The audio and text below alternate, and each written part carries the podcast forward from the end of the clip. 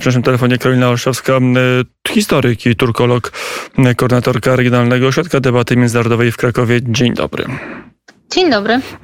I do turkologii przejdziemy, bo wszyscy w Polsce, czy prawie wszyscy, no wszyscy powinniśmy się zastanawiać, o co właściwie Turkom chodzi, a dokładnie jednemu Turkowi, Reczepowi Erdoganowi, który stoi na czele państwa i blokuje rozszerzenie NATO. Jak zrozumieć politykę turecką od 24 lutego? Przede wszystkim trzeba ją zrozumieć jako takie pokazanie swojej strefy wpływów, w sensie jakby wpływów, tego, co Turcja uważa za, za swoje zagrożenie bezpieczeństwa, może w ten sposób.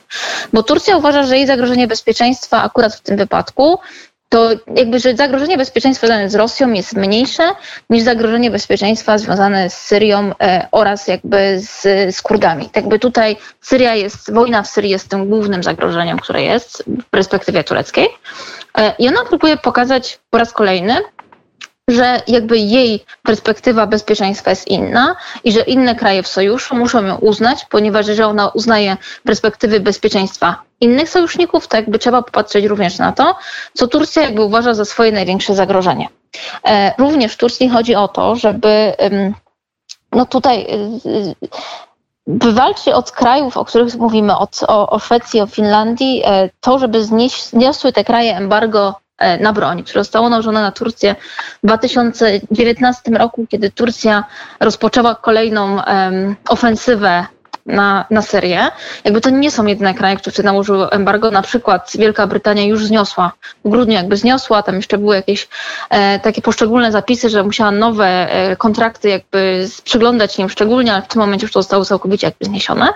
Więc chodzi o to, żeby te kraje zniosły to embargo jakby pokazały, że jakby tutaj e, już w ten sposób nie traktują Turcji, ale również chodzi o to, że prezydent Erdoğan, bo to jakby tutaj faktycznie głównie o niego chodzi, ale nie tylko, e, oskarżył te kraje o to, że one są takim właśnie miejscem, gdzie wspierany jest terroryzm.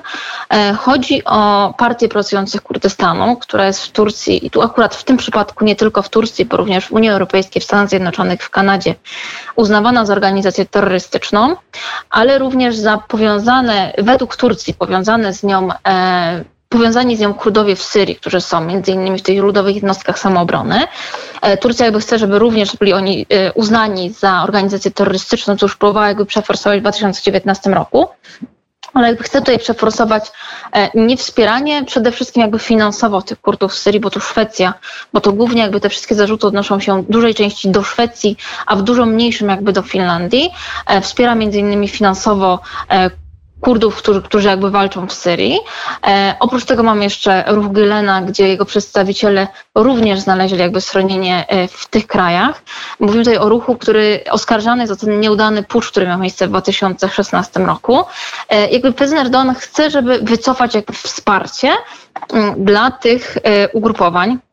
E, chciał też również deportacji niektórych ludzi. Jakiś, co jakiś czas są jakby jego wnioski deportacyjne do jakby kolejnych tutaj osób, między innymi z PKK, one są odrzucane. Więc to są takie rzeczy, o których jakby mówi jako te rzeczy, które chce osiągnąć. To jest jakby e, jego negocjowanie jakby z bardzo wysokiej pozycji, jakby bardzo dużo chce w tym momencie, e, ale jakby wiadomo, że nie wszystko uda mu się tutaj wynegocjować, zobaczymy ile, ale to są jakby takie rzeczy, które Turcja chce od tych krajów. Tego... Ale czy to, to cały czas jest negocjacja, czy to już jest jakieś takie całkowite podporządkowanie części swojej polityki interesom z Rosją, czy wprost interesom Rosji, bo pojawiają się głosy, że już Turcja niczego, niczego nie żąda, niczego nie, nie negocjuje, tylko po prostu wstrzymuje rozszerzenie NATO, bo tak. Nie, w sensie w dalszym ciągu Turcja negocjuje i Turcja żąda. Jestem przekonana, że jest to kwestia właśnie tego, y, ile będzie w stanie tutaj ugrać i jakby nie tylko w, y, jeżeli chodzi o te państwa, bo to jest jakby raz, ale przede wszystkim jakby Stany Zjednoczone, bo Turcja jakby próbuje tym swoim zachowaniem również jakby wywrzeć wpływ na Stany Zjednoczone, między innymi na przykład na to, żeby kongres zgodził się na sprzedaż tych myśliwców F-16, w sensie zmodernizowanych, modernizację tych, które Turcja już ma. I jakby przyjrzymy się nawet w sojusze wypowiedzi sekretarza stanu Stanów Zjednoczonych, on jest bardzo spokojne rozszerzenie. E, więc jakby Turcja tutaj jakby negocjuje, ona chce wynegocjować, z tym, że na pewno nie wynegocjuje wszystkiego. I pytanie, e, na jakiej, na, na, co jest w stanie się zgodzić, też na co są w stanie jakby zgodzić się inne kraje. Bo ile w, w przypadku Finlandii Turcja mówi, że jakby te negocjacje są konstruktywne i posuwają się do przodu. To w przypadku Szwecji, no wczoraj Szwecja powiedziała, że może ułagodzić embargo, no ale to jakby w stosunku do wszystkich żądań, to z perspektywy tureckiej jest mało. Turcja próbuje w tym momencie negocjować nie tylko jakby z tą stroną, bo tu jakby negocjuje, jeżeli chodzi o, o NATO, ale e, z drugiej strony jakby negocjuje, dzisiaj była rozmowa telefoniczna prezydenta Erdogana z prezydentem Putinem. I on mi wspominał o tym, że e, ta strefa w 2019 roku, która była obiecana, ta buforowa, e, ona nie ma takich rozmiarów, jako, jakiego Turcja by chciała, bo Turcja już jakby grozi kolejną operacją jakby w Syrii, właśnie żeby poszerzyć tą swoją strefę do 18 mil w głąb, bo tam planuje przesiedlić Syryjczyków, którzy są u nich uchodźców jakby do tej strefy, co jakby spowoduje przesunięcie e, Kurdów syryjskich. No jakby już są też żądania w stosunku do Rosji, jakby upominanie się o to, że ta strefa nie jest taka, jaką Turcja by chciała, więc ja to odczytuję, jeżeli chcecie, żebyśmy w dalszym ciągu zachowali jakąś neutralność w tym konflikcie, no to jakby pamiętajcie, że my tutaj mamy swoje interesy w Syrii, więc Turcja próbuje negocjować jakby z każdej strony. Jestem przekonana, że ona zgodzi się w końcu na przyjęcie Szwecji i Finlandii do NATO, bo nie będzie chciała jakby takiego całkowitego zerwania, tym bardziej oprócz kija, NATO ma, y, oprócz marchewki ma również kij. E, tylko pytanie jakby na ile jest w stanie się jakby porozumieć i dojść do jakiegoś kompromisu e, i z drugiej strony też e, jakby jakie rozmowy są, o których na przykład nie wiemy, prawda? A na ile jest tak, że Turcję cały czas trzeba traktować jako wiarygodnego partnera w NATO, bo pojawiały się też głosy, że że już trzeba Turcję no, uznać za państwo e, pozablokowe przynajmniej, albo państwo, które nie jest integralną częścią Zachodu, na które nie można liczyć, które będzie zawsze z jakimś dyktatorem e, flirtować, czy, czy przynajmniej wykorzystać sytuację, aby jakieś swoje agendy przeprowadzać, czy przepychać na, na forum NATO chociażby. Czy ja dalej uważam, że Turcja jest wiarygodną częścią sojuszu, jest jakby silną częścią sojuszu, którą trzeba brać pod uwagę i lepiej, żeby Turcja była w sojuszu, niż żeby poza nim jakby działała przeciwko temu sojuszowi. Tylko trzeba by było z Turcją e, wypracować, tak jakby może nie jest na tą sytuację, ale jakby na przyszłość wziąć pod uwagę to, że z jednej strony Turcja jest jakby rozczarowana tym, że, e, że jej jakby tutaj perspektywy nie są spełniane. To, czy ona ma, to jest jej pogląd, to, czy my się z nim zgadzamy, czy nie, jest zupełnie czymś innego, ale jakby Turcy tak uważają, że to są jej perspektywy bezpieczeństwa. Jakby sami Turcy są coraz bardziej rozczarowani tym, że czują się jako członek NATO drugiej kategorii. Z drugiej strony kraje NATO również patrzą na to, co robi Turcja z, właśnie ze złością, z rozczarowaniem, e, z, z, z traktowaniem Turcji jako takiego właśnie zawsze sprzeciwiającego się członka, który robi problemy. Więc ja myślę, że to jest jakby e, na przyszłość, jak już jakby te, te konflikty, które mamy teraz, które są bardzo zapalne, ulegną złagodzeniu, po prostu przepracowanie wewnątrz sojuszu e, tych relacji wzajemnych, dlatego że teraz jest tyle momentów zapalnych po jednej i po drugiej stronie, że one się po prostu wzajemnie napędzają i tworzą tylko jeszcze, bardzo, jeszcze większe niezadowolenie zarówno po jednej, jak i po drugiej stronie i to nie prowadzi do konstruktywnych rozmów. A wydaje mi się, że jakby to jest kwestia przepracowania, nie to, czy teraz Turcja blokuje akurat przyjęcie Szwecji, Finlandii, bo ona się prędzej czy później zgodzi, szczególnie jeżeli tutaj Stany Zjednoczone wejdą do tych negocjacji, a z tych wypowiedzi ze strony Stanów Stanów Zjednoczonych y, wynika, że, że zaangażują się, że jakby to zostanie rozwiązane, tak jak wszystkie te spory, bo nie pierwszy raz Turcja blokuje coś na to e, do tej pory, tylko jakby to jest bardziej długoterminowe, jakby nie patrzeć się na te krótkoterminowe cele, tylko te długoterminowe, to tutaj będzie trzeba wypracować jakiś sposób kontaktu z Turcją, bo jakby mamy po dwóch stronach dwie, dwa obozy niezadowolone z tego, jak to wygląda, bo jakby jedni właśnie uważają, że Turcja za każdym razem ma jakieś weto i chce coś targować. Z drugiej strony jakby Turcja cały czas uważa, że nie bierzemy pod uwagę, w sensie sojusz jako całość, nie bierze pod uwagę tego, co jest w interesie tureckiej, tylko jakby cały czas są interesy innych krajów tutaj na agendzie. Więc jakby jest to kwestia do przepracowania na pewno, jeżeli ten sojusz ma dalej funkcjonować w takim wymiarze. Mm, Turcja mm, patrzy oczywiście w innym kierunku geograficznie niż Polska chociażby, bo gdzie indziej leży i inne ma mm, problemy. Co możemy powiedzieć o tej wizji rozwiązania kwestii kłopotów w Syrii, bo teraz dla, dla Ankary być może otwiera się no, okienko możliwości, szansa na to, żeby zmienić układ sił na Bliskim Wschodzie, wypchnąć Rosję. To jest też element gry Recepa Erdoana, czy, czy aż tak dalekosiężnych planów tu Turcja nie ma? Nie wiem, czy raz wypchnąć, ale na pewno każde osłabienie Rosji w tym momencie dla Turcji jest bardzo korzystne. Dlatego że właśnie no jej w tym momencie, jeżeli chodzi o Syrię, głównie zależy na tym e, korytarzu, znaczy tym strefie buforowej. Chce ją powiększyć, e, dlatego że e, jakby głównym założeniem polityki tureckiej w tym momencie w Syrii jest to, żeby jak największą ilość uchodźców, które Turcja ma, ona ma prawie 4 miliony uchodźców z Syrii w tym momencie, jakby z powrotem relokować na, na, ten pas jakby odzyskany w Syrii, tam stworzyć jakąś infrastrukturę, e, szpitale, szkoły. E, już teraz jest jakby projekt, który został hucznie ogłoszony przez prezydenta Erdoana, budowania domów modułowych, nawet rozdawał klucze do tych domów dla Syryjczyków. A kto będzie Dlatego... rządził w tym pasie? Bo, bo pamiętamy wypowiedzi prezydenta Turcji, który no, mówił o imperialnej Turcji, mówił o Turcji, która będzie większa terytorialnie również. Y, nigdzie w wypowiedziach by nie padło dosłownie, kto będzie rządzić tym pasem. Wydaje mi się, że Turcja nie tyle chce nim rządzić, na pewno chce mieć tam kontrolę. Chce przede wszystkim mieć tam kontrolę, jakby też też mieć y, możliwość rozwoju ekonomicznego, w sensie właśnie budowanie, inwestowanie i tak dalej. I na pewno chce mieć swoje wpływy. Pewnie będzie to jakiś stworzony rząd właśnie z, z, z, z tych Syryjczyków, którzy są szczególnie tych, którzy jakby byli po stronie Turcji, jeżeli chodzi o tę wojnę, jeżeli to się w ogóle uda.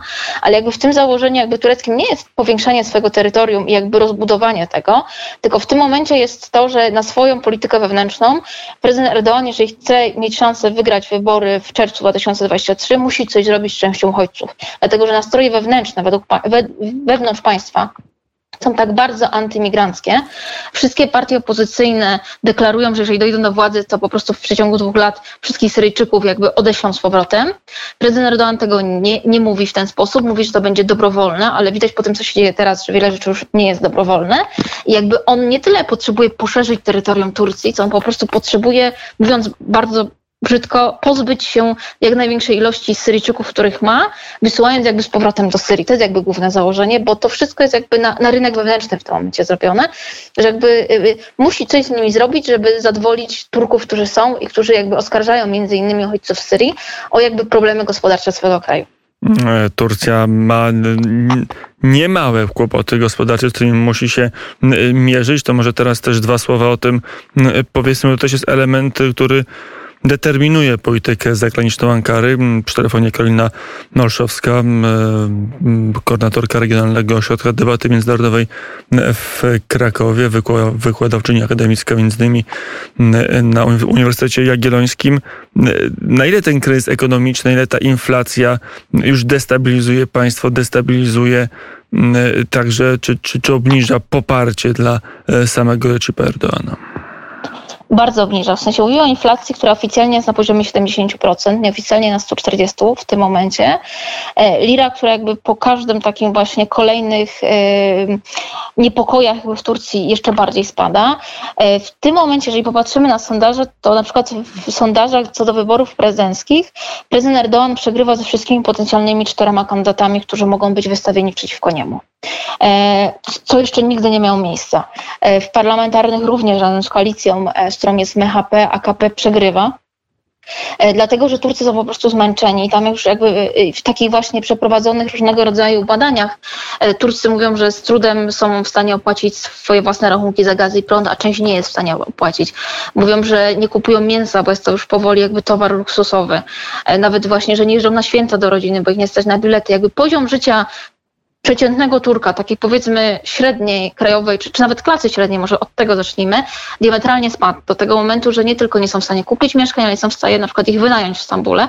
Ja mówię o takiej klasie średniej, nie wiem, urzędnicy, nauczyciele, wykładowcy, których po prostu na to nie stać, bo, bo inflacja jest tak duża podniesie, po podniesieniu jakby płacy minimalnej okazuje się, że ona i tak jest jakby w przeliczeniu na dolary mniejsza niż było na przykład dwa lata temu. Więc jakby y, prezydentowi Erdonowi bardzo jakby spadają sondaże i przede wszystkim jakby ciężko jest to czymś zastąpić, w sensie jakby zastąpić uwagę Turków od inflacji, dlatego że ich na przykład, nie wiem, wojna y, na Ukrainie, czy kwestia choćby właśnie rozszerzenia NATO nie, nie odwraca ich uwagi na tyle, że prezydent Erdogan mógł w ten sposób jakby y, zamieść pod dywan w jakiś sposób problemy y, gospodarcze w kraju, bo one są tak duże, że jakby dotykają po prostu na co dzień Turków, e, którzy właśnie y, jak porównuję jakby ceny, to, to, właśnie to jest paręset na przykład procent e, wzrostu cen w przeciągu na przykład trzech miesięcy na podstawowych produktach. E, więc jemu po prostu spadają wszystkie możliwe sondaże. Ale czy to ma wpływ raz... Mhm. na, na kraj, czy mówiąc wprost, Erdoğan może przegrać wybory? Tak, Erdoğan może przegrać wybory. I, i stracić, i, i tym samym dokończę wątek, tym samym stracić władzę? Tak, tym samym stracić władzę i tym samym najprawdopodobniej będzie czekał Trybunał Konstytucyjny, jeżeli nie ucieknie z kraju. Ale tak po prostu, bez, bez wwodzenia wojska, bez stanu wojennego. Turcja to jest jeszcze kraj, gdzie istnieją takie te podstawowe, bazowe mechanizmy demokracji jak wybory, czy to już będą wybory w stylu putinowskim, czy, czy zgoła białoruskim? Nie, nie będą to wybory ani w stylu putinowskim, ani w stylu białoruskim. Jakby przypomnijmy sobie choćby wybory na mera Stambułu, kiedy y, prezydent Erdogani co prawda powtórzył, bo się nie zgodził z, z wynikiem, ale drugi raz wygrał e, czy tutaj e, polityk z e, czyli z opozycyjnej partii kemalistowskiej Ekrem Imamoglu i wygrał z jeszcze wyższym wynikiem niż w pierwszej turze. Mimo tego wszyscy właśnie zakładali, że prezydent Erdogan zrobi wszystko, nawet jakby nagnie zasady wyborów, żeby wygrał jego kandydat. A to się nie udało. Jakby Turcja się szczyci tym dalej w sensie sami Turcy, nawet ci, którzy nie popierają na przykład partii rządzącej, mówią, że mimo wszystko ona rządzi dlatego, że w Turcji w dalszym ciągu jest demokracja. I ja nie wierzę w to, że on będzie w stanie zmobilizować wojsko czy, czy policję i jakby oni faktycznie wyjdą, jakby żeby go bronić. On nie ma aż takiej tutaj, e, takiej siły i poparcia w kraju, czy jakby tych, tym bardziej właśnie w wojsku e, czy w policji, żeby wziąć e, tych ludzi i jakby na ulicę e, kazać im jakby bronić jego władzy w momencie, kiedy przegra wybory. Oczywiście jakby będą na pewno różnego rodzaju wyborcze naciągnięcia i jakieś fałszowania, ale to są jakby możliwości na poziomie kilku punktów procentowych, a nie tak, żeby wygrał wybory w momencie, kiedy je naprawdę przegrywa. Więc ja bym tutaj nie wierzyła w żadne takie właśnie wyjście na ulicę, czy, czy jakby siłowe przejęcie władzy. E, nie, tylko właśnie pytanie, czy po prostu starczy na tyle woli w społeczeństwie, żeby jednak e, wygrał i żeby nic takiego się nie stało, żeby jednak jego poparcie skoczyło, ale patrząc się jakby na sytuację gospodarczą, e, jego sytuacja wyborcza wygląda coraz bardziej nieciekawie, jeżeli chodzi jakby tutaj o, o jego e, punkt widzenia. Mm, e, a czy wojna na Ukrainie, ta rywalizacja z Rosją dwubiegunowa i na południu w Syrii, na północy od Turcji, na Ukrainie też przecież kraju niezwykle istotnym dla, dla wpływów, dla pozycji międzynarodowej Turcji. Czy to jest element polityki, e, polityczny dla, dla Turków, dla Turcji? To jest temat z pierwszych stron gazet? Nie, znaczy Syria jest na pewno dużo większym tematem, jak z pierwszych stron gazet. E, Ukraina jakby również, ale w dużo mniejszym tutaj stopniu, dlatego że e, jeżeli na przykład popatrzymy się choćby na sondaże, które były, no to 90% Turków chce, żeby Turcja zachowała neutralność w tym konflikcie, żeby się jakby nie angażowała, bo ich jakby w większości tutaj angażuje e, takich przeciętnych Turków, no ich problemy gospodarcze. Jakby wojna na Ukrainie jest dla nich mimo tego, że jakby ze strategicznego punktu widzenia, no chodzi tutaj o równowagę sił na Morzu e, Czarnym, no tak dla przeciętnego Turka jest to jednak taki teatr wojenny dość odległy i jakby nie wpływający na życie codzienne, to jakby ta, ta gospodarka wygrywa.